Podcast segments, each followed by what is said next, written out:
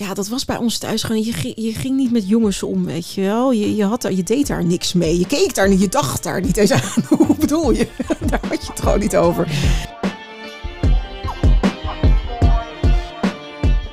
Wij groeiden op tussen twee culturen. En wij, dat zijn Salima Bougtaoui en Oulianou Karim. We hebben het er vaak over met elkaar. Maar nu doen we dat niet met z'n tweeën. Elke aflevering schuift er iemand aan die met ons meepraat.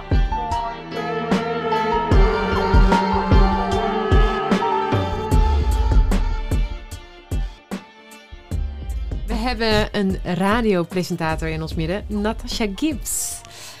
Dit is jouw natuurlijke habitat natuurlijk, Mm. want jij zit elke dag. Helemaal, lijkt wel mijn woonkamer. Nee, nee dit ziet er, ziet er heel mooi uit. Welkom. Wij kennen elkaar eh, van de publieke omroep, want we hebben echt wel een paar jaar op dezelfde vloer gezeten met z'n drietjes, met Ulianor, eh jou, Natasja en ikzelf. Eh Ulianor gaat een vragenvuur met jou doen. Een vragenvuur? Om Ja. het ijs te breken. Oké. Niet te veel nadenken, snel ja, oké, antwoorden. goed. Oké, een gewoon intuïtief, erachter. meteen bam, bam, bam, Yes, bam. Oké, yes, kom maar, yes. kom maar, kom maar door. Talkshow of radio? Eh, radio, Avondje uit of op de bank? op de bank, Yoga of wielrennen? wielrennen, Curaçao of Nederland? Curaçao, Alcohol of alcoholvrij? alcoholvrij. Huilen of lachen? Oeh, lachen, lachen. Ja, lekker huilen is ook wel lekker, maar, maar, maar lachen is toch beter. ik lach liever dat je moet huilen. Snap je wat ik bedoel? Ik snap wat je bedoelt. Vader of moeders kindje? Eh, moederskindje. Hulp vragen of zelf oplossen? Zelf oplossen. Open of gesloten? Gesloten. Vroeger wilde ik worden. Piloot. Wat leuk, ik ook. Ja? Oh, Ja. gaan we dat alsnog do- doen? Want ik ben wel... Laten we gewoon een keer een vliegtuigje huren. Mijn ogen zijn te zwak. Gaat Ja, oké, mijn hoofd is te zwak. Oké, de laatste. Advies aan jouw jongere ik. Oeh, ehm, heb vertrouwen, het komt allemaal goed. Mooi. Ik hoop het. Nou, Natasja, ik eh, ga maar gewoon even over dat wielrennen beginnen. Want ik zag, Wat dus, mij. ik zag dus een story van jou. Ja, klopt. En het was de eerste keer. Ik zag je op de fiets. Het, het zag er echt super professioneel uit. Maar dat was jouw eerste keer wielrennen. Het was voor het eerst op een wielren, professionele wielrenfiets. Klopt. Ja, mijn eh, vriend die had hem ook gehuurd, Wessel. En ehm, ja, weet je, er is wel iets geks gaande met mij de afgelopen periode. En dat heeft ook heel erg met zelfvertrouwen te maken en met het, eh, dat ik daaraan werk. Ehm, nou ja, dit, dit is, ik ben op, sportief eh, opgegroeid. Ik heb altijd allerlei sporten eh, beoefend. Alleen ik heb, ben pas sinds kort, moet je nagaan, zo rond je veertigste dat je hierachter komt van oké, sporten zorgt er ook voor dat ik me zekerder voel. Dat ik me op een of andere manier meer in charge voel van dingen, sterker voel. Daardoor ook sterker voel in interviews of in gesprekken met anderen. Eh, ook omdat ik in de sporten die ik nu doe, dus boksen, ehm, ja, hardlopen, mezelf ook een beetje uitdagen, weet je, tot het, tot het gaatje ga. Ik dacht onwijs eh, goede kracht zetten. Je, je, het is heerlijk, het is een heerlijke sport gewoon, Ja. denk ik. We vroegen gesloten of open en je zei gesloten. Oh ja, dat had ik ook op Ja, klopt. Maar ehm, eh, ja, daar zit, het verhaal daarachter is niet dat ik gesloten wil zijn, maar dat ik in zekere zin ehm, wel gesloten ben. Dus ik weet precies wat ik wel of niet deel. En ik begrijp ook vaak, daar hebben vaak mijn vrienden me op aangesproken, dat als ik ergens mee zit, als het iets mij dwars zit, ehm, dat ik dat niet altijd met ze deel. Ja. Dus dat- Achteraf wel? nou, was heel erg. Hè? Dus eh, mijn echte goede vrienden zien wel dat er iets mis is. Maar er zit dus een heel hè, glimlach. Yeah, let's go. Terwijl er eigenlijk diep van binnen dat het niet helemaal oké is. En is dat ook een beetje om de overstap te maken, het, de gezinsdynamiek? Ja, onwijs. Bedoel je bij mij thuis vroeger? Ja, joh. Wij praten niet over gevoelens. We gaven elkaar amper een knuffel. En mijn moeder, ja, tuur, weet je, ik heb heel veel emotie altijd bij mijn ouders gezien. Maar de emoties van frustratie, van eh, Mm. plezier, weet je, echt de extreme. Dat heb Ja. ik altijd gezien. Maar niet dat mijn ouders zouden zeggen van... eh, nou, eh, hoe voel je je? Daar vind ik, nee, die vraag, nee, hoe voel je je? Eh, je hebt een volle buik. Je bent veilig. dit is het. Dit is het. Dit is, Dit is maar het ja. Dit is het. Dit is toch prima. Dus dat, daar was geen tijd voor. Daar was ook geen ruimte voor. En ik denk, ik verwijt het mijn ouders ook helemaal niet. Ehm, maar dat was gewoon op dat moment niet, in, in die tijd en in de omstandigheden, was dat eh, ja, was gewoon niet aan de orde. En waarom was er geen ruimte voor? Ehm, nou, kijk, ik heb het. Misschien moet ik eerst gaan naar waar mijn ouders vandaan kwamen. Die zijn hier naartoe gekomen ehm, om te studeren, allebei vanaf de eilanden, Curaçao. En ehm, ja, ik denk dat er bij mijn vader, en want dat is met terugwerkende kracht, maar daar kunnen we het later even over hebben. eh, Ik denk dat daar essentieel iets cognitiefs eh, niet helemaal lekker eh, altijd is gegaan. En mijn moeder, die was ook een vrij gesloten, ook zelf ook een hele gesloten opvoeding gehad. Eh, vrouw, jong allebei, onzeker, in een land waar ze ook niet allebei geaccepteerd werden altijd. Heel hard hebben moeten werken en vechten om dingen voor elkaar te krijgen. Eh, kinderen die niet allemaal gepland, weet je, op, dat, op die manier. Dus eh, ze hadden best wel, denk ik, veel meer uitdagingen dan wij nu hebben, misschien. Want met hoeveel waren jullie thuis? Met z'n drietjes. Dus drie, eh, mijn, mijn broer en mijn zus en ik. Ik ben de oudste. Mijn zus is anderhalf jaar jonger. En mijn broer is dus echt een nakomertje, zeven jaar jonger dan ik. Ja, echt heel leuk wel. Maar Zo, eh, ja, ook wel pittig natuurlijk. Eh, twee ouders die niet het meeste geld verdienen. Ehm, en ook geen prettig huwelijk hadden. Dus echt een, een vrij onveilige thuissituatie. Eh, waar meer gevochten en, en geruzied werd dan dat er eh, nou eh, gezelligheid was of zo. Dus, dus in die sfeer moet je denken, als je het hebt over emotie en over je gevoel Ja. praten. Dus als je ouders al niet over hun emoties kunnen praten, tegen elkaar schreeuwen, elkaar bedreigen, elkaar, weet je, helemaal het leven zuur maken.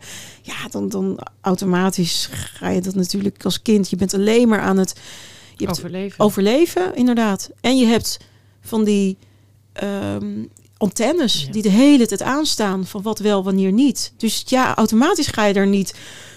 Ik vond het altijd bewonderenswaardig hoe Nederlands vriendinnetjes later als tiener dan bij jou thuis langskwamen. En dan gingen ze gewoon op je bed liggen zo. ik dacht echt, als ik bij iemand langs ging thuis op bezoek, zat ik netjes Aan op, het randje, aan op het randje randje op de- de- Eerst vragen, eerst blijven staan, Mag, toch? mevrouw, mag ik hier zitten? Kan ik, Eerst blijven staan bij de deur. Denk, mag ik hier naar binnen? mag ik naar binnen überhaupt? Willen jullie dat ik er ben? Echt zo'n pup. Sorry dat ik er ben.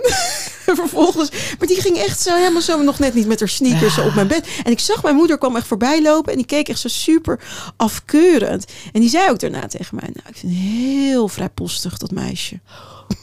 Ja. Hoe was het bij jullie? Kon je gewoon onverwachts vriendinnetjes mee naar huis trekken? Nee. Dat wilde ik ook helemaal niet. Nee, eigenlijk wilde je het ook niet. Nee. Het was gewoon veel schaamte. Dat ik dacht, oh ja, we hebben het niet breed. Ja, Dat is helemaal niet zo eh, bewust gegaan hoor. We hebben het niet breed. Maar het is wel meer van, ik heb geen speelgoed. Dus waarmee, waarmee, waarmee moeten we spelen? We ja. hebben niet zo'n grote tuin. De tuin zag altijd niet heel fris uit. Ja, ik, ik, ja, nu ik ziet mijn tuin het. ook trouwens helemaal niet fris uit. Nu vind ik het niet erg. Toen vond ik het heel erg. Maar is het in. En je bent gewoon klein. Ik bedoel, als je, als je tiener bent of daarvoor, dan schaam je gewoon heel snel. Ja, dat heb ik nu als Vooral als je af- een beetje afwijkend eh, Ja, bent, denk En je. waar afwijkend. We waren Ja. de ene Afghaanse, enige Afghaanse gezin in een eh, witte dorp. Dus. Ja. En bij jou? Vriendjes, vriendinnetjes? Nee, die zei, ik, ik, ik kan me niet heugen dat er een vriendin is eh, binnengekomen. Maar ik, ik denk dat het één keer is gebeurd. En toen ben ik ook van beneden geroepen. En toen, ik weet niet wie het was, maar een van de twee me- van mijn ouders, die was ook boos. Omdat ik dus iemand boven had zitten. En Dat is, ik geloof, een Marokkaans vriendinnetje van me. Oh ja. Ja. En dat had je niet doorgegeven? ik had het niet aangekondigd. Volgens mij heb ik het niet aangekondigd. Ja, dat kon bij ons thuis ook Nee. echt niet. Moest je echt in drievoud indienen.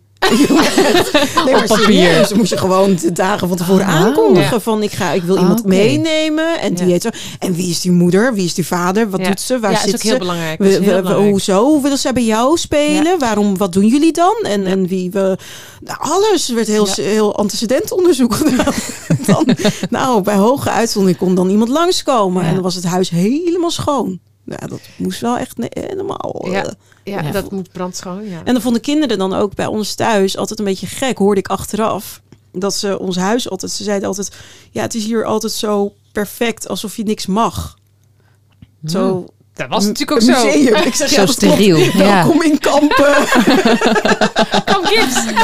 Heb je goed gezien? Welkom. Ja, dat. Ja, we lachen erom. Maar het is eigenlijk best wel treurig. Het is echt iets wat we met elkaar kunnen delen. Maar ik denk dat ik het toen echt niet kon delen, maar ook niet echt kon plaatsen. Want ik zat aan te denken dat ik wel een Marokkaans-Nederlands vriendinnetje had en een ehm Eritrees-Nederlands. Mm. En die kwamen wel over de vloer. Daarbij had ik wat minder chaîne. Ja, Want ik dacht, oh ja, bij jou zijn ook gewoon andere geuren die ik niet ken. klopt. Of een, eh, een tv-programma die een beetje gek is. Want dan hadden we vaak natuurlijk Bollywood op. Of ouders die niet thuis waren. Want bij Nou, mij was het dat. andersom. Dat ik dacht, Ja, ik red mezelf wel. Je hoeft niet te Oh. vragen waar mijn ouders zijn. Oh, ja. We smeren zelf even een boterham. Oh. Ja, ik dan, Mm. dan, maar die kon je ook zeggen van, dat heb ik wel eens met wat van die vrienden die van, mijn moeder komt thuis, je moet nu weg. Oh, altijd op je hoede ook gewoon als kind. Thuis, je moet nu Oké, dan heb ik het echt relaxed gehad wat dat betreft. Want mijn ouders waren echt zo van... eh. Ja. Oké, nou ja. Oh, ze shit. zagen nauwelijks mij als ik binnenkwam. Dus Oh. laat staan een vriendje, vriendinnetje. Nee, dat is niet helemaal niet waar. Maar ze waren gewoon heel erg druk altijd. Met werk, Gewoon hard werken. hard werken. En ik had een oudere zus, die paste op. Dus eh, die, Ja. eh, die was ook heel strikt. Dat was gewoon een, gewoon een tweede moeder. moeder. Dus eh, mijn moeder had... eh, Maar was je met tweeën? het. Twee, twee kinderen? Of Drie drie? ook. Drie, ook drie. Ja. Ja. ja. Ook, je- jij bent de oudste? Of de, Ik ben nee, de jongste. Je, je, je zus is ouder, jij bent de jongste. Ja. Ik zit ook ineens te denken, eh, bij ons was het natuurlijk ook zo dat wij, ik kom uit een gezin van zeven Ja, kinderen. jij hebt heel veel zussen. Ja, dus bij ons is het echt, eh, het huis was al te klein voor ons. Ja. Dus eh, ik denk dat dat een van de redenen was waarom er geen eh, bezoeker mocht komen. Want, Dat lijkt me ook gewoon logisch. Ja. ja. Het is allemaal zo goed te begrijpen. Ja, ja, alles en is gewoon als je zo druk bent, Ja. dan inderdaad vriendjes, vriendinnetjes, dat is gewoon ook Ja. een extra last dan je. Ja, maar misschien ook als je zoveel ook, broers en zussen hebt, dat je ook, of je hebt alleen zussen, of eh, ook Ja, ik heb Ja. ook twee oudere broers. twee oudere broers. Ja. Maar als je zoveel eh, broers en zussen hebt, dat je dan ook misschien dat jouw vriendjes en vriendinnetjes Heel erg, zijn ja. om mee te spelen, dingen te doen. Dat had ik met mijn zus bijvoorbeeld ook heel erg. Ja, ja, die want waren jullie altijd. ook maar Anderhalf jaar. Ja, ik ook met mijn Dus we deden alles samen. Ja, Toen ik mijn eigen, op mijn, zo rond mijn 17e, 18e, echt mijn eigen pad koos, heeft mijn zus zich heel erg in de steek gelaten gevoeld. Weet je wel? Want ik ging het huis uit. Zij bleef achter. En toen kwam alles op haar schouders terecht. ja. Dat Ja, heeft is ze mij nog heel lang verweten ook. Dus, ja? Ja. Dus uitgesproken. respect. Ja. Oh, wauw. Ja. Ik heb dat naar mijn zus niet uitgesproken. Nee? Zij ging op haar zestiende het huis uit. Nou, we waren echt allemaal verdrietig. Natuurlijk ook ja. omdat ze niet heel makkelijk ook het huis uit kon. Ehm, dat heeft wel even geduurd, ja. Ook bij mijn ouders om weer de band aan te halen met mijn zus. Maar ook die van mij wel, ja. Dat ik heel erg heel verdrietig was, ja. Ja, nou, dat, dat herken ik wel, ja. ja. Hoe heeft ze dat tegen jou gezegd dan? Wat heeft ze gezegd? Nou, kijk, wat, wat, wat nu ook schetst, is... eh, het was ook niet van, ik ga het huis uit zo... als je hoort bij, bij de Nederlandse kinderen. Bij mij was het dus, of je gaat mee naar de kerk... of je pakt je spullen en je kunt gaan. En ik wilde, dat, ik wilde gaan studeren, ik wilde mijn eigen weg gaan. En uh, dus zodoende heb ik ook heel lang geen contact met mijn moeder toen uh, gehad. En automatisch daardoor ook niet met mijn broer en mijn zus... En dat is dus inderdaad wat jij schetst wellicht ook. Dat het een andere situatie is waarin je dus uh, buiten het gezin komt te staan. Dus, ja. En mijn zus, die heeft dat echt jaren later... Uh, heeft ze dat op mijn bord gegooid. Zo van, uh, ja, jij bent ook, je hebt ook voor jezelf gekozen. Ja, je weet toch hoe dat gaat. Dan heb je een keer woorden of een Hm. ruzie met je zus of hm. gedoe. En dan krijg je dat verwijt. Ik, ik moet zeggen, dat kwetste me wel. Maar tegelijkertijd begrijp ik haar ook wel dat ze dat zo voelde omdat wat jij nu ook schetst, ja, je hebt toch een soort van verdriet. Uh, hier hebben Uri en ik het ook wel heel vaak over gehad. Want we hebben allebei ook een uh, oudere zussen die het huis uit zijn gegaan. Wat heel veel impact had op het gezin. Mm-hmm. Want de dynamiek veranderde. Naast dat ik mijn zussen miste, had, had ik ook te dealen met het verdriet van mijn ouders. Ja. Die het echt niet konden begrijpen dat mijn zussen kozen om zonder getrouwd te zijn het huis uit te gaan. Dus we hebben heel veel op moeten lossen in het gezin. Goed moeten die maken, achter, ja. heel, heel veel, ja, sorry, heel veel goed moeten maken inderdaad. Ja. Dat Ja. is het heel erg. Ja, misschien is dat inderdaad wat mijn zus dan ook heeft doorgemaakt. En terwijl, ja, als je weg bent, dan ben je weg. Ja, en je hebt ga je dat een nieuw niet. leven Je beginnen. gaat weer, eigenlijk is het Ja. super spannend en leuk. Hartstikke leuk. Ja, Het is ook heel moment. eenzaam, kan het ook zijn. Absoluut. Maar ja, ik moet je eerlijk bekennen dat ik geen enkel moment zoiets had van, oh, uh, ik, want dat had ik natuurlijk ook kunnen doen. Alhoewel, het was niet tijd van mobiele telefoons. Het was niet zo oud. Ja, je verklapt nu wel echt je leeftijd, ja, hè? Maar het was niet de tijd, want je weet je dat je even we naar een trots. mobieltje kunt Ja, bellen. nee, dat klopt. Nee, je moest, als, je, als ik mijn zus wilde spreken, dan moest ik naar de thuistelefoon bellen. En wie Ja. neemt de thuistelefoon op? Je moeder. Ja, want wij, eh, dat, dat haal je niet in je hoofd om eh, Ja. je thuistelefoon op te nemen als, de, als je ouders thuis zijn. Die nemen de telefoon op. Ja, want toen je thuis woonde, waren zij toen veel aanwe- aanwezig, je ouders? Eh, nou, mijn vader die is echt al eh, sinds mijn achtste, negende uit beeld eh, verdwenen. Ehm, maar mijn moeder, ja, die was veel thuis, maar die werkte ook. Dus die werkte in de zorg, in de bejaardenzorg. Eh, en soms nachtdiensten, soms hele dagen overdag. En eh, dat was echt op oproepbasis. En, op, eh, ja, en dan had ik de zorg samen met mijn zus over het huishouden, het eten, mijn broer naar school brengen. Eigenlijk Ja. alles. Ja, Ja, maar je had een strikte opvoeding, want je vertelt Ja. natuurlijk al een paar dingen. Hè? De telefoon niet mogen oppakken. Nee, heel streng. Geen televisie kijken, eh, alles. Ja, kijk, het, het- het is sterker nog, eh, ik weet nog dat ik een keer, ja, als puber heb je altijd honger en trek. Ja, en dan kom je thuis en dan denk je, snel, ik wil wat eten, weet je wel. Dus ik had echt gewoon een paar plakken brood gepakt. Ja, dit klinkt nu heel heftig, want je kunt je er niks bij voorstellen. Maar dat was toen wel zo. Bij ons was het thuis dus alles op rantsoen. Van ja, weet je, zoveel stukken brood heb ik gewoon. Om de, ik begrijp mijn moeder ook achteraf. Dus mijn moeder die kwam er dus achter dat eh, ja, een pak brood voor mij voor de helft leeg was. Vergeet die weer gek.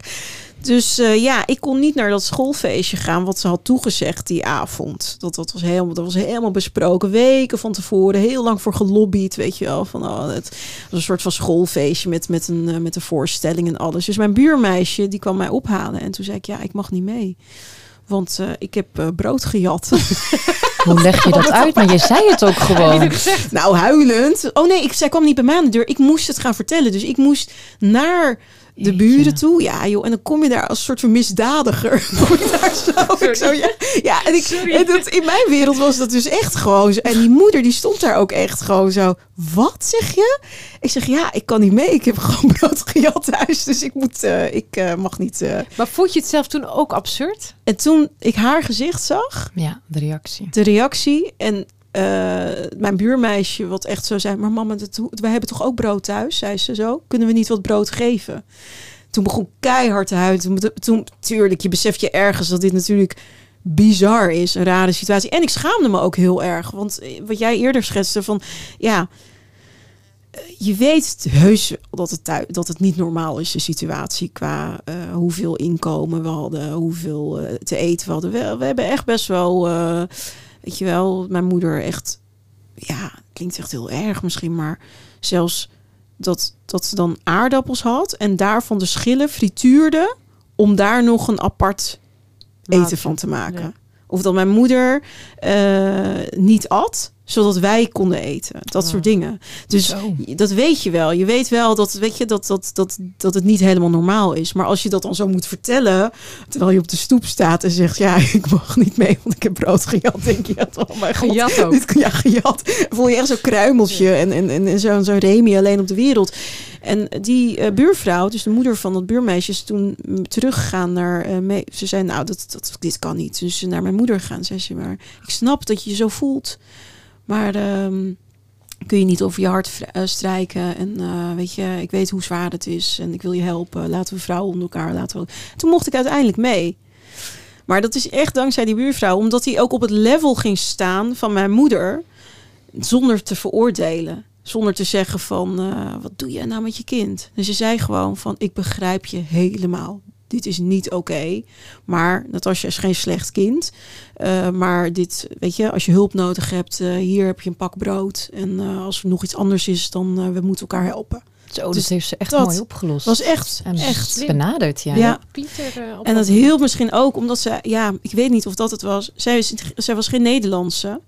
Zij kwam uit Canada en zij zat met uh, vier kinderen thuis. In een hele benarde situatie ook. Dus in die zin was het misschien ook wel de juiste persoon bij mijn moeder om dat, ja. om dat begrip te tonen ook.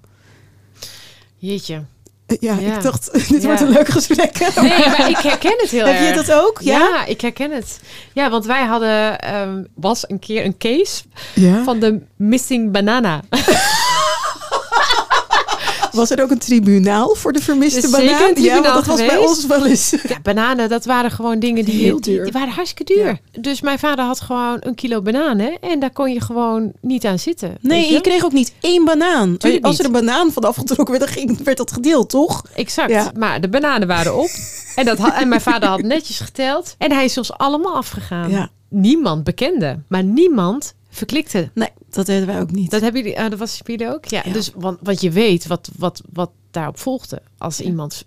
Als, Ja. ja, Klappen. klappen inderdaad. Dus is het nog altijd een onopgeloste zaak. Oh ja, de missing banana. Sterk, ja. Sterk front. Nee, bij ons klikten we echt eh onder Ja? haverklap. Elkaar? Ja, ik was altijd de Sjaak natuurlijk, de jongste. Oh. Oh nee. En die heeft het kapot gemaakt. Ik denk, huh? Wat heb ik weer gedaan? Ja, maar dat Oh had je niet gedaan. nee. Ja, ik had het niet gedaan. Nee, Ah. zus, ik heb niet die parfum neergegooid op de grond. Ja, ze, ik, ze, ze heeft er nog steeds over. Je hebt allemaal parfums kapot gemaakt. Oh nee, dat deden wij. De, ja, oh, dat en, is eh, naar. doosjes. Maar voel je je dan niet heel erg zo? Ja, het is juist dat front wat je met broers en zussen kunt nee, voelen. hadden we niet. Nee. En daarom vroeg ik, was ik heel erg benieuwd naar jullie gezinsdynamiek. Van inderdaad, hoe, hoe kijk je dan samen naar zoiets, hè? Als zoiets gebeurt. Dus met zus en broers was je één front. Ja, destijds. Maar met ouders stond je Mhm. eigenlijk lijnrecht tegenover. Ja, dat, wa dat was gewoon, dat, dat waren eigenlijk, was dat je, De niet de vijand. vijand wilde ik niet zeggen, maar ja, eigenlijk wel. Soms wel ja. Wij, wij kwamen echt letterlijk thuis eh, uit school en dan zeiden we, hoe, ja, eigenlijk, hoe hangt de vlag erbij? Dus Ja. eh, echt rapporteren van, nou, ze, is, eh, ze, ze is, ze ligt in haar bed en ze komt er niet meer Oh, uit of zo. Of ze is heel, ze is heel, het is een beetje eng, maar ze heeft allemaal soep gemaakt, ze is heel blij. Oké, maar pas op, want dit en en dat. Je, echt Allemaal zo- aantekeningen. Ja, allemaal aantekeningen, zo van alsof je een soort van kliniek binnenliep. Maar ja, dat is dus die antennes die je dan ontwikkelt. Daar moet je dan antennes voor ontwikkelen. Ja, het is wel zo. Heel alert. Ja, Ja, je, je bent moet heel alert. alert zijn. Ja. Je vertelde net ook, je vader is natuurlijk op jonge leeftijd al uit je leven verdwenen. Maar Ja. wat voor rol had hij voordat hij verdween? Ja, dat is een hele. Kijk, je moet je voorstellen, ik, mijn vader, als ik, als ik terugdenk aan mijn vader toen ik heel klein was, was het echt mijn held, weet je wel. Zoals ik heel veel kinderen hebben, als je echt vier, vijf jaar, dan denk je, Ja. oh ja, Mijn vader is de beste. hij is de beste. Schets iets iets dan, wat, wat hij dan nou, deed? Wat- mijn vader was eh, lasser, dus die werkte ook bij de Philips fabriek en zo. En ehm, hij, eh, ja, als hij thuis kwam, dan stonk hij, had hij eh, zwaar overal aan. Zijn laarzen stonden in de gang en dan ging hij op de bank liggen. Voor mij was dat toen als kind heel normaal, weet je wel. Dat mijn vader ook niks deed in het huishouden verder. En eh, mijn moeder was altijd gestrest, dus dat was niet leuk. was niet gezellig met mijn moeder. Maar mijn vader was lachen. En dan eh, ki- kietelen, met achter ons aanrennen. Met hem kon je echt spelen. oh, echt waar? ja, na na zo'n werkdag? na zo'n werk, nou, eerst dan natuurlijk een beetje ging hij slapen, dan had hij hoofdpijn, dan had hij nergens zin in. Maar als het gezellig was, dan was het ook echt gezellig. Maar als het niet gezellig was, dan was het ook echt de hel gewoon. En dat begon pas later, begon dat duidelijk voor mij te worden. Ik was denk ik een jaar of vijf, zes, denk ik. Dat er dingetjes beginnen op te vallen, weet je wel. Dat, dat je denkt, oh, maar je moeder staat nu wel heel hard te gillen. Eh, de, de, is, hè? En dan kom je beneden. We hadden een rood televisietje, weet ik nog heel goed. En ehm, ja, je ouders slapen dan nog. En jij denkt, oh, ik ga televisie kijken s ochtends. Lekker eh, tekenfilmpjes. En die televisie was helemaal kapot. Er zat gewoon een gat in. Had mijn ouders dus ruzie gehad. En ik weet nog dat ik daar heel gefascineerd van was. Dat ik dat, dat- ja, als je vijf, zes bent, denk je echt zo, zit, wat zit er in een tv, weet je wel? Maar je beseft ook dat het niet normaal is natuurlijk wat er gebeurd is. Nou, zulke dingen. En dan is er een moment gekomen waarop, eh, ja, en vanaf dat moment kwam de politie ook heel vaak over de vloer. Ja, dat, dat ik mijn vader gewoon letterlijk mijn moeder zag mishandelen. En dat is echt, eh, ja, dat is heel heftig. En dat ik er ook wat van zei. En dan keerde de woede van mijn vader. En dat is echt voor het eerst. Hij, hij sloeg ons wel vaker, weet je wel, als je, Iets niet had gedaan. luisterde of als je Ja. loog of als je iets, weet je, dan, dan kreeg je tik. Als je een banaan had Als je gestolen. banaan had gejat, dan kreeg je gewoon klappen. Nee, maar dat was heel normaal. Overigens was dat toen ook normaal bij ons in de straat. Het was niet zo dat wij helemaal eh, door de kamer werden geslagen, maar je kreeg wel gewoon tikken. Alleen dat begon hele rare vormen aan te nemen. Toen mijn vader eens een keer betrapte mijn moeder in een soort van heftige... Ja, ik vind het wel heel heftig om over te praten. Maar dat, dat, dat je echt ziet van... Oké, dit is gevaarlijk voor mijn moeder. En mijn vader die daar dus echt gewoon helemaal agressief eh, mee bezig. eh, mijn moeder eigenlijk nou, letterlijk aan het wurgen was. En ik schreeuwde echt zo tegen maar later los. Nou, en toen draait zich om en toen heeft hij me echt gewoon helemaal door, het, eh, door de hal geslagen. Echt gewoon, nou, ik denk dat ik vijf, zes jaar oud was. eh, echt gewoon alle hoeken van, met gewoon een stofzuigerslang, weet je wel, zo'n buis. Gewoon helemaal. En dat weet ik nog goed, dat toen is het gebroken. Toen heb ik zoiets, want mijn zus die was daar ook bij. En ja, dan heb je echt, eh, ja, dat kan ook nog meer terug of zo. Dat is heel gek is dat. Dan, dan valt je vader wel eh, echt van zijn voetstuk. Ja. En dat is ook een beetje de opmaat geweest, denk ik, voor mijn moeder op een gegeven moment. Om het huis te ontvluchten met ons. Dus mijn broertje werd geboren. eh, toen was ik zeven. En eh, mijn moeder heeft van de een op de andere dag, ik denk dat ze dit al gepland had, spullen gepakt. En we zijn we zijn naar een blijf van lijfhuis gegaan. Dus Was dat de eerste keer dat eh, hij, jou, hij- hij zijn woede op jou afreageerde? Wel op die manier. Ja. Ja. ja. ik denk, want ik kon mijn vader daarvoor nog best wel, weet je wel, verbaal wel een soort van beetje jennen of zo, Mhm. plagen. Best wel veel bij hem maken eigenlijk. En ik had ook best wel het gevoel, ja, ik weet niet hoe dat met jullie vader zit, maar dat, dat hij mij wel op handen droeg. Dat hij een zwak voor jou had. Ja, dat zo voelde het. Maar misschien had mijn zus dat gevoel ook. Denk het niet heel erg, want we hebben het daar wel eens over gehad. Dat het van, ja, ik, ik kon altijd veel meer soort van hebben of zo. Ik huilde niet zo snel. Ik, eh, je wel. Het is eh, gewoon een leuk kind voor hem. Voor hem, exact. Ja. Voor hem was ik een leuk kind dan. Maar tot dat moment dat ik hem tot de orde roep, riep, dan is het niet meer leuk. En Ja. dan ben je de vijand. Wat gebeurde er na die gewelddadige aanval naar jou toe? Ja, dan is het, eh, daar wordt niet meer over gesproken. Dat is eh, over tot de orde van de dag. Ja, het was ook s'avonds laat, dus ik moest gewoon gaan slapen. Zoek het maar uit. Ja. Ja, ja. De dag gaat wat ga je verder. doen? De dag gaat verder en... eh, Ook de Ja. volgende dag niet op teruggekomen. nee, nee, doen je geen niet- evaluatie Was dat hoor. hoe jullie met dingen omgingen, ja? Dat hebben we natuurlijk een paar keer Ja. besproken. Dat is natuurlijk ook hoe jullie Ja. met dingen omgingen Ja, in het exact. gezin. En emotie natuurlijk. Ja, maar kan- je praat over dat soort dingen niet. Nee, maar ik kan me wel voorstellen dat hij... eh, kijk, de, de keren daarvoor dat hij eh, jou sloeg... dan ging het om iets wat jij in zijn ogen verkeerd had gedaan. Ja. En nu eh, ging het niet... Ging het, Ja. Reageerde hij zijn woede af op jou? Of was het omdat jij hem tot de orde had geroepen? Ik riep hem tot de orde. Dat was ook natuurlijk, je gaat over eh, in de hiërarchie. Mhm. Ja, wat denk je? Je gaat toch niet tegen je vader gillen? Dat doe je niet. Dus in die zin was alles goed te praten, om het zo maar te Ja, zeggen. precies. dus alles is goed te praten als je het op die manier benadert. Alleen, Heb jij daar ook een beetje zo over nagedacht? Dacht jij ook van, goh, misschien heb ik me verkeerd oh gedaan? ja, als kind Toen- heb je het meteen ingevuld. Ja hoor, je denkt eh, zo. Ik, ik schrok van mezelf ook dat ik dat zei tegen mijn vader, Oh ja. toch? Dat ik tegen hem schreeuwde wel later los. Ja. Ja. Denk, ik, ja, wat denk je zelf? Ja, dat had ik ook wel verdiend dan. Had je, Ja. ja? Zo denk je, zo gaat dat wel. Ja, Ja. je denkt helemaal niet bij jezelf, denk ik, als kind op dat moment van... eh, Goed van mij dat ik dat heb Wat gedaan. goed. Ja, weet je wat? Ik bel even de kindertelefoon. Ik ga eens even uitleggen wat hier allemaal gebeurt. Luchtbescherming inrichten. Oh eh, nee, maar snap je wat? Het had, het had natuurlijk prima gekund. Ik denk dat, dat dit, eh Dit als voorvaldijen, dat is bizar. Ja. Maar dat doe je niet. Je, bent, ja, je bent, houdt onvoorwaardelijk van je ouders. En je bent natuurlijk niet voor niets op dat punt uiteindelijk terechtgekomen. Er is natuurlijk heel veel aan vooraf gegaan in zo'n opvoeding. Voordat je, ja, die- dat, dat, dat gaat niet van de een op de andere dag. En waar zat die voor, voorwaardelijkheid dus kennelijk wel in? Bij je ouders? Die- Want je zegt net van, nou nou ja, de liefde is onvoorwaardelijk Ja. voor je ouders. Ja, bij mijn vader is dat wel weg. Ja. Ja. ja. Maar niet door dat alleen. Dat is daarna nog zoveel meer gebeurd. Eh, de manier waarop hij mijn moeder daarna heeft behandeld, mijn zus. De manier waarop hij ons heeft gestalkt. Daarna nog heel lang het leven zuur heeft gemaakt. Er zijn zoveel dingen gebeurd. Het, het- uiteindelijk, eh, de laatste keer dat ik mijn vader zag, eh, zat hij vast. Ehm, en eh, ja, ik heb toen ook echt. Ik, ik zag gewoon iemand voor me die totaal geen geweten had. Geen, ja, geen compassie. Ook niet geen connectie maakte met mij als ik ben, dat, dat ik zijn dochter ben en dat hij zich daar Hm. betrokken bij voelde. Niks.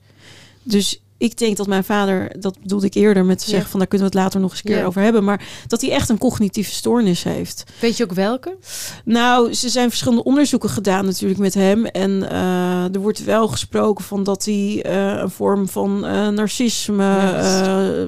weet je, ehm, sociopathische neigingen heeft. Maar ja, je weet nooit waar de oorsprong daarvan zich vindt. En als ik wel terugkijk naar hoe hij zelf is opgevoed, dat is ook geen veilige opvoeding geweest met tien kinderen en, en ook een, eh, een vrij ehm, vreemde verhouding ook tussen zijn ouders weer. Dus in die zin is het misschien ook wel een generatie eh, ding. Weet ik niet. Maar ja. Ach, Ja, of gewoon zijn gezinssituatie, toch? Ja, ik vind dat lastig. Ik weet niet hoe jullie daarover denken. Maar ja, ik, ik, ik- tuurlijk wil je overal een verklaring voor vinden. Mhm. Maar ik wil ook niet al het gedrag goed praten. Want Ik worstel daar heel erg mee. ja? Want Ja. hoe kijk jij daar dan naar? Want Nou, ik, zeker nu we dit podcast aan het maken Mhm. zijn, eh, denk ik, goh, ik, eh, ik hoor vooral heel veel begrip bij, bij mensen die wij interviewen. En, en ik merk het ook wel bij mezelf. Maar aan de andere kant zit ik ook wel met de pijn. En zitten die dames die misschien nog wel meer pijn hebben, ook heel erg met de pijn, weet je wel. We hebben het erover, soms lachen we er om. Maar er is wel heel veel verdriet ook. Of Klopt. Trauma soms. Ja. En 100 procent. En nog steeds loyaliteit. Heel veel loyaliteit van je ouders. Ja. We willen heel graag onze ouders in ons leven houden. En daar ook, ook mooi over praten. Maar ook de moeilijke kanten van benoemen. Mm. En dat gaat niet goed samen, omdat we daar niet mee zijn opgegroeid. klopt. Want je kan kritisch naar je ouders toe zijn en liefdevol. Kritisch zijn betekent eigenlijk iemand afvallen. En dan ben dat is jij zo goed af. dat je dit zegt. Ja. Ja, nou, dat Ja, klopt wel. klopt heel erg. Want ik weet ook wel dat mijn zus bijvoorbeeld ooit door mijn oom is aangesproken toen zij zich kritisch uitliet over mijn moeder. Ze had iets gepost of zo, of ze had iets gezegd ergens in een groepsapp of iets dergelijks. Zo van, nou, dat doe je niet. Dat, dat, eh, En ik vraag mij ook af, maar tot nu toe heb ik daar nog niet zoveel niets over gehoord, hoe mijn ooms en tantes denken over mijn, de interviews die ik bijvoorbeeld geef als ik het heb over mijn jeugd. Ja, want dat is ook zo ja, grappig, want we hebben ons natuurlijk een beetje in. We kennen jou persoonlijk. We weten ook dat je best wel open bent in, in, in eh, het eh, delen van je geschiedenis. Maar je hebt ook eh, interviews gedaan met bijvoorbeeld een Ruud de Wild. En daar ben je ook heel open. Het inspireert ons ook heel erg. Eh, Ik kijk naar Oelianoor. Ja, want hoe doe je dat? Maar hoe doe je dat? Ja. Zonder dan niet zo rekening te houden met je, Ja. met je familie en al die gedachten die je dan die daarna kan krijgen. Ja, ik, ik moet heel eerlijk bekennen dat, je, dat ik dat ook pas ben gaan doen. En dat ik dat besluit ook bewust natuurlijk heb genomen. Het is niet iets wat per, ongeluk zo ontstaat. Want het is, eh, ik weet nog goed dat mijn allereerste interview wat ik, eh, wat ik gaf was voor de VARA-gids. En eh, daar werd gevraagd naar, oké, hoe is jouw jeugd, weet je wel? En toen, dat voelde echt als een soort van kruispunt voor mij. Of ik ga hier een heel basic verhaaltje ophangen. Nou, prima, niks spannends. En ik zeg Kom verder uit een gezin van drie kinderen. Gezin van drie kinderen, lekker in Hilversum opgegroeid. Heerlijke opvoeding gehad. Ja, gewoon gezellig thuis. Sterke moeder heeft ons opgevoed. Verder niks aan de hand. Weet je, ja. En toen dacht ik, ja, of ik vertel gewoon hoe, eh, hoe het echt is. Ook omdat ik vaker dat, dat die onderwerpen ook wel bespreek in de uitzending die ik maak. Had je dit vooraf bedacht? Of tijdens het, interview? Ja, ik ben een heel intuïtief eh, opererend persoon. Bekennen. Gelukkig dat je niet de nacht wakker van hebt gelegen. Nee, maar, maar toen zij dat vroeg, toen was ik, had ik wel, tuurlijk, je hebt op dat moment van wat, of dat scenario van super, het is allemaal eh niks aan de hand. Of ik ga gewoon, ja, ik, voel- ik noem dat met de billen bloot, maar het lijkt net alsof ik iets moet bekennen. Of ik ben gewoon, dit is het, weet je wel. We hadden het niet breed thuis en het was niet leuk altijd thuis en dit is de shit. En toen dacht ik, ja, dat wil ik ook. Omdat ik heb die verhalen nooit gelezen. Althans, ik niet. Misschien hebben jullie ze wel Niet gevonden. bij presentatoren. Nee, Nee. maar ook niet bij presentatoren van kleur. Nee. En die zijn er al niet zoveel. En als ze zijn, weet je, en ehm, ik wil ook niet doen voorkomen van. ehm, Met slachtoffer ben je ook niet. nee, zeker niet. Maar ook niet alsof het een soort van. Oh, het is typisch voor. eh, weet je, oh, daar heb je weer iemand die dat, eh, die dat overkomen is. Oh, weer een gebroken gezin. Iemand, snap je? Maar tegelijkertijd denk ik, ja, ik weet wel dat als wij in de uitzending het hebben over blijf van mijn lijfhuizen, gebroken gezinnen en dat soort dingen. Je kunt dat niet met een strakke kop doen. En, en dan niet vertellen hoe het bij jou zelf thuis zit. Vind ik, bij mij persoonlijk. Hè. Dus ik wil het voor niemand, iedereen moet dat voor zichzelf weten. Maar ik kon dat niet. Dus ik ben blij dat ik dat wel heb gedaan. Want ik kreeg er ook heel veel reacties op. Van moeders, dochters, eh, mensen die dus in die situatie op dit moment zitten. En die zeggen, ik zit op dit moment met mijn dochter in een blijf mijn lijfhuis. En ik hoor jouw verhaal of ik lees jouw verhaal. En dat geeft me het gevoel dat, er, dat, ik, dat ik tegen mijn dochter kan zeggen... kijk, er is de, dit is niet het, het, het eindstation, weet je wel. En dan denk ik, ja, het is belangrijk dat we het hierover hebben, wel. En met name vanwege... ehm, omdat, omdat binnen onze cultuur, althans... je hangt de vuile was niet buiten. Ja, je wil, je wil ook niet die verrader zijn of zo. je, Precies. ondankbaar zijn. Inderdaad. Ja. En wat Oel net zegt, is je kan bijna niet kritiek leveren eh, en eh, eh, nog van iemand houden, zeg maar. Zo voelt dat een beetje. Of, of, of iemand... Wat Ja, zei je nou? Je zei het zo mooi. je bent gewoon, je valt dan naar buiten als je dat doet. Dan ben je niet meer binnen. Ja. We zijn dertigers, we hebben het goed voor elkaar. eh, als ik dan even voor ons allebei mag spreken. Hè, we hebben onze ouders nu, zien we ook fijn eh, wat dat betreft op afstand. Maar ook eh, kunnen nu beter met ze praten dan ooit, denk Mm. ik. Ja. Ehm, we kunnen beter reflecteren op wat er is gebeurd. Maar tegelijkertijd inderdaad zijn we in het proces zelf om te denken... oké, wat, wat is er eigenlijk gebeurd? We zijn wel aan het reflecteren op wat er is gebeurd, maar wat? Wat? Ja, En ook, wat doet het nu? nou, Ja. 100 procent. Ja. Ja. Zeker. Als ik, ik bedoel, het heeft me heel lang gekost voordat ik een psycholoog heb opgezocht. Pas toen ik ging hyperventileren, allemaal paniekaanvallen kreeg, dacht ik, oh, misschien moet ik even gaan praten hierover. niet omdat ik in één keer dacht, hé, hey, maar mijn leven klopt niet helemaal in die zin. Alles ging eigenlijk voor de wind, maar waar, ik heel erg tegenaan liep, was niet met mijn emoties om kunnen gaan, daar geen uiting aan kunnen geven. Dat kropt zich enorm op. Geen relaties aan kunnen gaan, moeilijke relaties aangaan of te snel de hele tijd achter elkaar allerlei relaties aangaan. Mannen, niet, eh, dat, het, het, het ging echt alle kanten op in mijn leven. Terwijl aan de buitenkant zag alles er heel geordend uit. Eh, lekker de correspondent op Curaçao. Daar heb ik mijn eerste paniekaanval gekregen op Curaçao in mijn studiootje daar. Oh, Dus ja, ik, ik weet je, dat, dat iedereen dacht echt wel, she's living a fabulous life. En dat was in zekere zin ook wel zo. En tegelijkertijd was ik gewoon doodongelukkig. En ik denk dat dat ook komt omdat dan alles op zijn plek valt, een soort van. En dan Je hebt de ruimte. heb je de ruimte inderdaad. Dan in één keer denk je, oh, maar die leegte en, en, en dit gevoel en waarom doe ik wat ik doe, weet je wel? Waarom eh, vlucht ik bijvoorbeeld of in alcohol of in een relatie of in eh, one-night stands waar ik me nog goorder uit voel en helemaal niet blij mee ben. Allemaal van die keuzes waar ik niet mee om kon gaan en waar ik ook heel ongelukkig van werd. En ik denk dat dat was een moment met dat hyperventileren dat ik hulp opzocht. Want ik belde een vriendin. Ik zeg, ik kan niet meer. Nou ja, goed, niet tijdens het hyperventileren natuurlijk, maar wel helemaal in tranen. En toen zei ze tegen mij van, eh, nou weet je wat je moet doen? Je moet ehm, eh, naar een psycholoog en ik heb een goed adresje voor je. Was dat nog steeds op Curaçao? Dat was op Curaçao. En daar heb ik één, eh, nee, twee sessies gedaan met deze vrouw.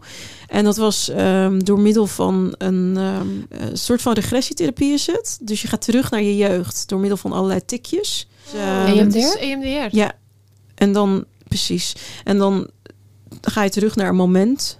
En dat moment, dus wat ik jullie net vertelde over Mhm. mijn vader, maar dat was echt voor het in. Dat, dan ga je terug naar je jongere ik en dat soort dingen. En ehm, ja, ik weet dat ik dat, dat best wel, dat heeft me best wel geholpen even. Maar ja, ik ben er niet mee doorgegaan, omdat ik het ook weer heel confronterend vond. Dus ik had zoiets van, oh, nou, nu gaat het weer. Ik ben het lekker Ja. kwijt. Ja. Lekker Het gaat door. weer hartstikke goed. Ja, maar goed, het, Oh. het haalt je altijd weer in. Je zei net dat je tegen verschillende dingen aanliep. Dat je snapt van, oh, ik moet eigenlijk hulp gaan zoeken. Maar waarin kwam je zelf tegen? In relaties bijvoorbeeld. Kun je daar een voorbeeld van geven? Je noemde net verschillende dingen. Ja, klopt ook wel. Want ehm, eh, ja, hoe kan ik dat goed zeggen? Ik heb eh, in het begin, toen ik net, het, net zeg maar bij mijn moeder wegging, het huis uitging, eh, daarvoor nooit. Ja, dat was bij ons thuis gewoon. Je ging, je ging niet met jongens om, weet je wel. Je, je, had daar, je deed daar niks mee. Je keek daar niet, je dacht daar niet eens aan. Hoe bedoel je? daar had je het gewoon niet over. Heel herkenbaar. Dus Ja. ja, dus ja dat is gewoon totaal on, on, ja, onontdekt gebied. dat is een wereld. Je Andere er ver wereld. weg van gehouden. Ja, maar toen ik eenmaal eh, dus op kamers ging en op mezelf, nou, dan ga je ermee experimenteren. En dan, En hoe was dat? Was dat niet onwennig? Want dan ga je een andere wereld in. en eigenlijk, als ik terugdenk, was ik daar heel erg onontwikkeld in. En dat is best wel erg, denk ik, achteraf. Vind ik eigenlijk heel zielig voor mezelf. Wat bedoel Om- je dan? Nou, als jij open met je ouders kan praten over de liefde, Ja. over jongens, over seksualiteit, over hoe dan weet je überhaupt jezelf, wat je voelt, dingen. Dan kan je daar woorden aan geven, dan kan je dat evalueren met jezelf. Dan kun je bedenken wat overkomt mij en waarom voel ik me zo en wat betekent dit en wat betekent het dat hij dit tegen mij zegt of dit wil doen of whatever. Maar helemaal aan je lot overgelaten. Echt alleen daarvoor staan en maar en als eigenlijk in mijn hoofd twaalf zijn. Gewoon echt twaalf. Ja, maar dat ben je eigenlijk in principe ook. Omdat Ja. je natuurlijk daarvan af bent gehouden. Van die wereld. Dus je bent dan En je hele seksuele principe 12. ontwikkeling heb je niet doorgemaakt. Totaal niet. Nee. Dus ja, ik dacht al, de, eerste jongen waar ik het ooit mee had gedaan, daar ga ik mee trouwen. Want dit is het. En dat is natuurlijk helemaal niet zo. Dus ik kan zeggen, helemaal, ik lag er helemaal vanaf. En toen ben ik heel verkrampt, een soort van iedere volgende eh, verliefdheid of iets, dan moest dat het ook meteen worden. En dan bleef ik dan meteen drie, vier jaar bij. En dan, eh, als dat uit was, meteen weer naar de volgende, weet je wel. En zo heb ik echt gewoon van relatie in relatie ben ik gegaan. Tot ik op Curaçao kwam. Ook overigens met een relatie eh, die daaruit ging. En toen was ik voor het eerst een soort van voor een langere periode vrijgezel. Wat super goed is geweest voor mij. Maar daardoor ging ik wel heel onnatuurlijk om met ehm, daten, seksueel contact, weet je wel. Ook allemaal doen alsof het me niks deed. De andere, de andere kant op. De andere kant op inderdaad. Wat mij totaal opbrak. Echt vreselijk. Dus ik voelde heel eenzaam en, en ook heel helemaal. Er was ook niemand die me echt goed advies gaf. Want het was ook altijd. Het advies was ook altijd. Ja, laat hem maar even bungelen, weet je wel. Of eh, playing hard to get. Dat soort stomme advies. Terwijl eigenlijk wil je gewoon horen, schat. Het hoeft allemaal niet. En ik weet hoe je voelt. En het is ook allemaal niet nodig. En je kan ook alleen gelukkig zijn. Dat is helemaal oké Ja. en zo. Maar het is. Even in jezelf werken. Aan jezelf. Je, Ja, Zelf wat liefde geven. Ja. Self-care. Self-care, dat soort dingen. Dus ja. inderdaad, in relatievluchten, zo uitte dat zich op dat moment. Dat ik er gewoon totaal niet mee om kon gaan. En als je niet, als je geen goede relatie met jezelf hebt, met je eigen emoties, dat betekent dus ook dat, dat, dat je daardoor ook eh, daar heel onhandig mee omgaat als je met anderen een relatie wil aanknopen of überhaupt in het leven wil staan, een soort van. Dus ja, eh, ik denk dat ik me daar eh, cognitief en emotioneel ja, een soort van, ik wil niet zeggen gehandicapt, maar wel, wel een beetje eh, onvolledig in voelde. Onhandig, Onhandigs. ongelukkig en daardoor Ja. ook. Ja. Dat je gewoon die handvaten niet had. totaal. En is dat, geldt datzelfde voor vriendschappen? Ook, Ja. zeker. Want die kwetsbaarheid waar ik het eerder over had. Mhm. Kijk, je moet wel echt goede vrienden hebben, willen die nog bij je blijven, weet je wel. Als je, Als je niet je kwetsbaarheid als toont. je niet je kwetsbaarheid ja, toont. dat klopt. Als jij altijd maar die... Want het hebben veel vrienden hebben zijn afgehaakt, hoor. Ja, maar waarom lach jij nu? Lach? Ja. Ik eh, hou mijn mond dicht. Nee, zeg maar. Nee. Nou, ik denk gewoon dat het inderdaad ehm, dat ik ook achteraf dacht van waarom zijn al, al die vrienden bij mij gebleven eigenlijk als ik zo niks met hun deelde en als hij iets met mij deelde dat ik daar heel erg eh, nou goed zoals in het gezin op reageerde van nou ja, nou goed eh, morgen weer een dag. Ja, Toch? en door. Nou, je bent vandaag verdrietig, morgen weer een dag. Ja. Of of zo heftig Ja, dat ik op dat ieder verhaal erg, ja. Dacht oh jeetje, dit gaat echt als jij dit deelt met mij, Ja. dan gaat het echt niet echt goed met jou. slecht. ja. Oh. oh, zo, ja, ja. Dus ja. ik zei Dus altijd was tegen twee extremen. Dus Ja. iedereen had, was heel erg verward die mij advies vroeg of iets aan mij Ja. vertelde. Ja. En niet iedereen, maar ik bedoel mijn vrienden. Mhm. Ja. Dus achteraf dacht ik, oh wauw, ik heb wel echt goede vrienden dat ze met mij zijn gebleven. Nou ja. Ja, maar jij bent ook een goede vriendin, Ja, hoor. tuurlijk. Wat op denk- andere vlakken. Nee. Misschien op emotioneel vlak voelde ik me ook, ook heel lang heel, heel onhandig. Ik was hartstikke lief, ik- dat mag Ja. ik ook denk ik Ja. van mezelf zeggen. 100 Is ook zo. procent. Maar ik was onhandig daarin. Ja. Onhandig voor mezelf, wat je net ook zelf zei. Ja. Maar ook onhandig naar anderen, waardoor ik heel vaak in problemen kwam. ja. Wat, wat, dan, wat voor problemen? Ja, oké. Nou, dat ik echt inderdaad dan niet kon zeggen waarom ik op bepaalde vragen geen antwoord had. Als iemand Oh ja. me iets vroeg, Hmm. dan klapte ik dicht. En dat is iets wat wij thuis niet deden. Dus vragen aan elkaar stellen. Ja. Eh, waar is mijn schoen of zo? Ja. Eh, praktische vragen, maar niet emotionele vragen. Of ehm, dat je ergens mee geconfronteerd wordt. Dat ik dacht, oké, dit is... eh, die- hier moet ik even een week over nadenken. Maar ja, iemand wil antwoord van jou. Van wat is er dan gebeurd? Dan- Ja. Dat meteen gewoon alle gates closed. En ehm, nee. En ik denk dat mijn vrienden dat wel zagen. Want mijn vrienden, ik heb mijn vrienden wel een beetje op uitgekozen. Dat heb ik al later ook wel een beetje voor mezelf eh, eigenlijk neergezet, denk ik. Dat ze allemaal wat meer uitbundiger zijn. Zij kunnen me uit de schulp trekken. Hmm. Zij zijn eigenlijk de mensen die ik wil zijn. Ja. En nu hoor ik misschien meer, een beetje meer bij ze. Dat ik mezelf beter kan uitdrukken. Lekker dansen, lekker zingen, lekker gek doen. Dat ze lekker uit de band kunnen springen Ja. soms. Dat ik dacht, ja, dat had ik even nodig. En die emotionele steun. Dus samen help je elkaar om er doorheen Zeker. te komen.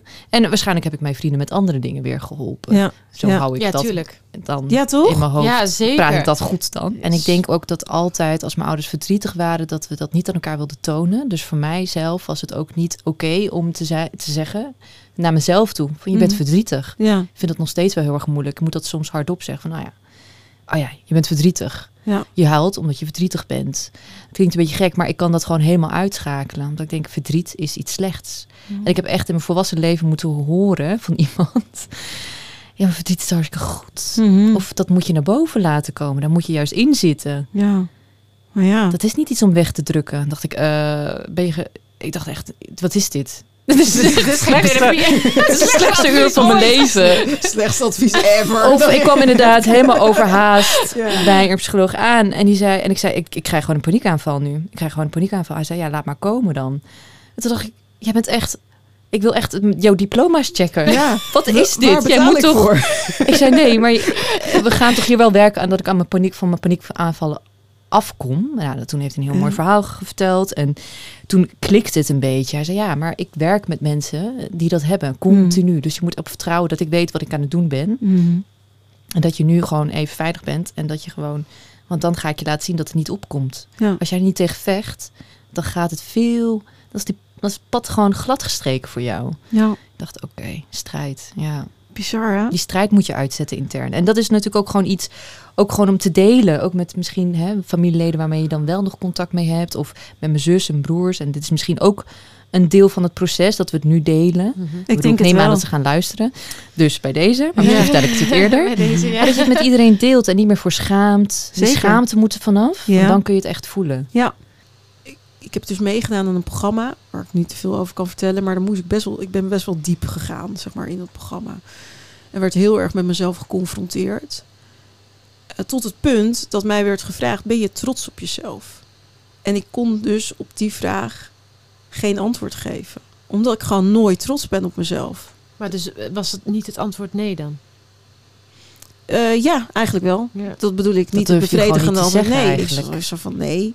Maar ben je dan niet eh, blij met wat je tot nu toe voor elkaar hebt Wow. gekregen? Nee. Hoor, denk je dat je bij de rest mag gaan staan? Nee, ik verdien niks. Dat was helemaal mijn mantra, mijn, mijn gedachte. En dan ben je 42 en dan denk ik, jeetje. En ik weet nog, dat, kijk, nu kan ik er gewoon over vertellen. Maar in het begin brak ik iedere keer als ik dit vertelde. Want toen dacht ik van, hé, maar hoe kan dit? Nou ja, goed. Inmiddels met een psycholoog ook weer over gesproken. Echt eh, hele goede gesprekken over gehad. En ook veel verwerkt en ook veel een plek kunnen geven. En dat sporten, vandaar dat sporten, dat helpt me heel erg hierbij ook. Maar ik ehm, had het dus laatst met mijn moeder hierover. En toen vertelde ik me haar dit scenario. En zei ze, oh, kon je daar dan niet... kan- ben je dan niet trots op jezelf? Waar komt dat dan door? En ik keek er echt zo aan. Ik zeg, maar mama, wat denk je? Waar denk je dat dat door komt? Zei, ja, ik weet niet. Je mag toch overal trots op... Ik zeg, omdat, ik, omdat je me dat nooit... Je, sterker nog, je hebt me altijd wijs gemaakt dat, ja, dat ik niks waard was eigenlijk. Echt in heel veel verschillende bewoordingen. En daar hebben we het gewoon zo over gehad. En ik kan het ook nu gewoon zo zeggen, omdat ik weet, mijn moeder die kwam, die stond op van de bank. Ze zegt, mag ik je een knuffel geven? En we hebben echt gewoon in de kamer gestaan en elkaar vastgehouden. En ik weet dat mijn moeder zegt ook van ja, ik weet dat, ik, dat, dat, dit, dat het zo is gegaan. Ik zei, ik verwijt je ook niks meer. Echt niet. Dat zei jij tegen je Ja, moeder. ik verwijt mijn moeder ook niets meer. Omdat ik denk oprecht, tuurlijk, het is niet de opvoeding die, eh, die, ik, me voor, eh, die ik mijn eigen kinderen zou willen geven.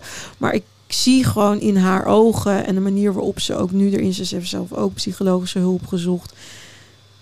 Het is gewoon gegaan zoals het is gegaan. En, eh, en ze, ze doet er alles aan om het. eh, om nu een goede relatie met mij, eh, met mij te maken of op te bouwen. En, en ook met mijn broer en mijn zus. Ik En- zie gewoon iemand die daar oprecht in staat. En daarom kan ik met mijn moeder hier heel goed over praten. En, en, en haar ook in zekere zin vergeven of zo. Ja, Ja, mooi. Is dat dat hele dan? dat is absoluut helen. Dat is, ja, ik zeg niet dat dat ervoor nodig is om te helen, maar het helpt wel. Het helpt verdomd veel als je, als je die erkenning krijgt van je ouders. Of eh, een van je ouders, dat die zegt van Jezus, weet je wel, wat erg. Ik, ik baal er net zoveel van als jij. Het is echt, je bent niet gek. Ja. Dus dat helpt. Niemand gaslight je meer. Nee. Want hoe is je band met je moeder nu? Het is goed. Ik heb een tijdje een. eh, kijk, we hebben, we hebben verschillende fases doorgemaakt. Maar ik heb nu dus ook geleerd, eh, door, die, door de therapie die ik heb gevolgd, dat ik best wel af en toe ook boos mag zijn op mijn moeder. Ik mag best wel, weet je wel, als ik thuis denk, jeetje, wat je toen had gedaan, ik, ik vreselijk, weet je wel.